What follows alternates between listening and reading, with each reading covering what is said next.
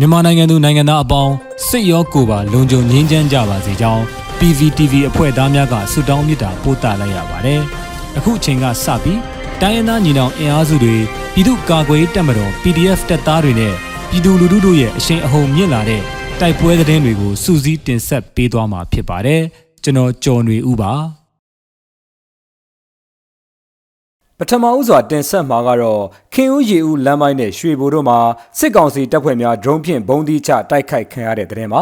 စကိုင်းတိုင်းခင်ဦးရီဦးလမ်းမိုင်းနဲ့ရွှေဘိုမြို့နယ်တို့မှာအကြမ်းဖက်စစ်တပ်ကင်းစခန်းနဲ့မိုင်းထောင်နေတဲ့စစ်ကောင်စီတပ်ဖွဲ့ဝင်များဒရုန်းဖြင့်ဘုံဒီချတိုက်ခိုက်ခံရပြီးရှေ့ဦးတေဆုံကြောင် Dragon Urban Guerrilla အဖွဲ့ထံမှသိရပါဗျ။ စက်တင်ဘာလ9ရက်နေ့မှာခင်ဦးရီဦးလမ်းပိုင်းမြင်းတောင်ကျေးရွာအရှိတ်မူးတိန်ချောင်းတရားအနီးရှိအကျန်းဖတ်စစ်တပ်ကင်းစခန်းကိုနနက်6:30မိနစ်မှာ DUGF KU Dragon အဖွဲ့နဲ့အတူမဟာမိတ်တပ်များက drone ဖြင့်ဘုံသီး6လုံးချတိုက်ခိုက်ခဲ့ပြီးစစ်သား9ဦးသေဆုံးက4ဦးထိခိုက်ဒဏ်ရာရရှိခဲ့ကြောင်းသိရပါဗျ။တေဆုံးသွားတဲ့စစ်သား9ဦးနဲ့ထိခိုက်ဒဏ်ရာရရှိသူများကိုမွန်းလွဲပိုင်းတွင်ရေဦးမြို့မှတံပြားကာကားတစ်စီးဖြင့်ကောက်ယူသွားကြောင်းသိရပါဗျ။ အလားတူစက်တင်ဘာလ9ရက်နေ့မွန်းလွဲ12နာရီခန့်မှာရွှေဘိုမြို့နယ်ခွန်တောင်းကြီးကျေးရွာမှာအကြမ်းဖက်စစ်တပ်နဲ့ပြူစောတိအဖွဲ့များရွာပြင်ထွက်၍ပြည်သူများတွာလာရေးခတ်ခဲရန်မိုင်းထောင်နေတာကြောင့်ဒေသခံကာကွယ်ရေးတပ်ဖွဲ့များကဒရုန်းဖြင့်ဘုံသီးချတိုက်ခိုက်ခဲ့ပြီးပြူစောတိနဲ့စစ်သား3ဦးသေဆုံးခဲ့ကအများအပြားထိခိုက်ဒဏ်ရာရရှိခဲ့ကြောင်းသိရပါဗျ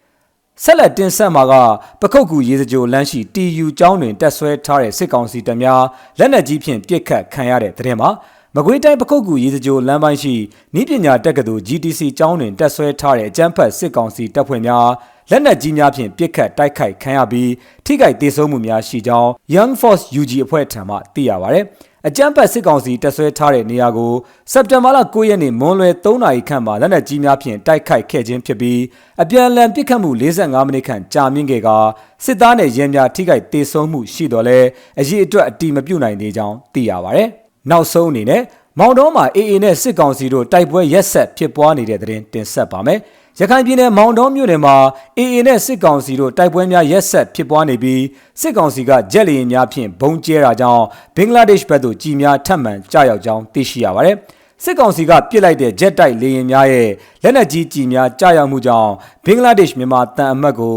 15ရက်တွင်3ကြိမ်ဆင့်ခေါ်ခံရပြီးစစ်ကောင်စီဘက်ကနောက်ထပ်တိုက်လေယာဉ်များဖြင့်ဘင်္ဂလားဒေ့ရှ်ဘက်ချမ်းသို့လာရောက်ပစ်ခတ်ခဲ့ကြောင်းဒေသခံများကပြောပါတယ်။ ရခိုင်တပ်တော်နဲ့စစ်ကောင်စီတပ်တို့ဩဂုတ်လမှစတင်၍ရခိုင်ပြည်နယ်တွင်တကြော့ပြန်တိုက်ပွဲများဇက်တိုက်ဖြစ်ပွားလျက်ရှိရာအဲ့ဒီအထက်မှာဩဂုတ်လ31ရက်နေ့တွင်ဘင်္ဂလားနယ်စပ်အနီးမိုင်းတိုင်း40စခန်းအားရခိုင်တပ်တော်မှတိုက်ခိုက်သိမ်းပိုက်နိုင်ခဲ့ပါတယ်။ လက်ရှိမှာလည်းဘင်္ဂလားဒေ့ရှ်နိုင်ငံနဲ့နယ်နိမိတ်အဆက်မှာရှိနေတဲ့မောင်တော်မြောက်ပိုင်းဘက်ခမောင်းစိတ်အနီးတစ်ဝိုက်မှာစစ်ကောင်စီတပ်နဲ့ရခိုင်တပ်တော်တို့တိုက်ပွဲများဆက်လက်ဖြစ်ပွားမှုရှိနေစေဖြစ်ကာစစ်ကောင်စီဘက်မှလေကြောင်းအုံပြုတိုက်ခိုက်မှုများလည်းလှုပ်ဆောင်လျက်ရှိကြောင်းအဆိုပါတိုက်ပွဲဧရိယာနဲ့နှိစက်တဲ့ဒေသတစ်ဝိုက်မှကြေးရွာသားများကပြောပါတယ်ခင်ဗျာ။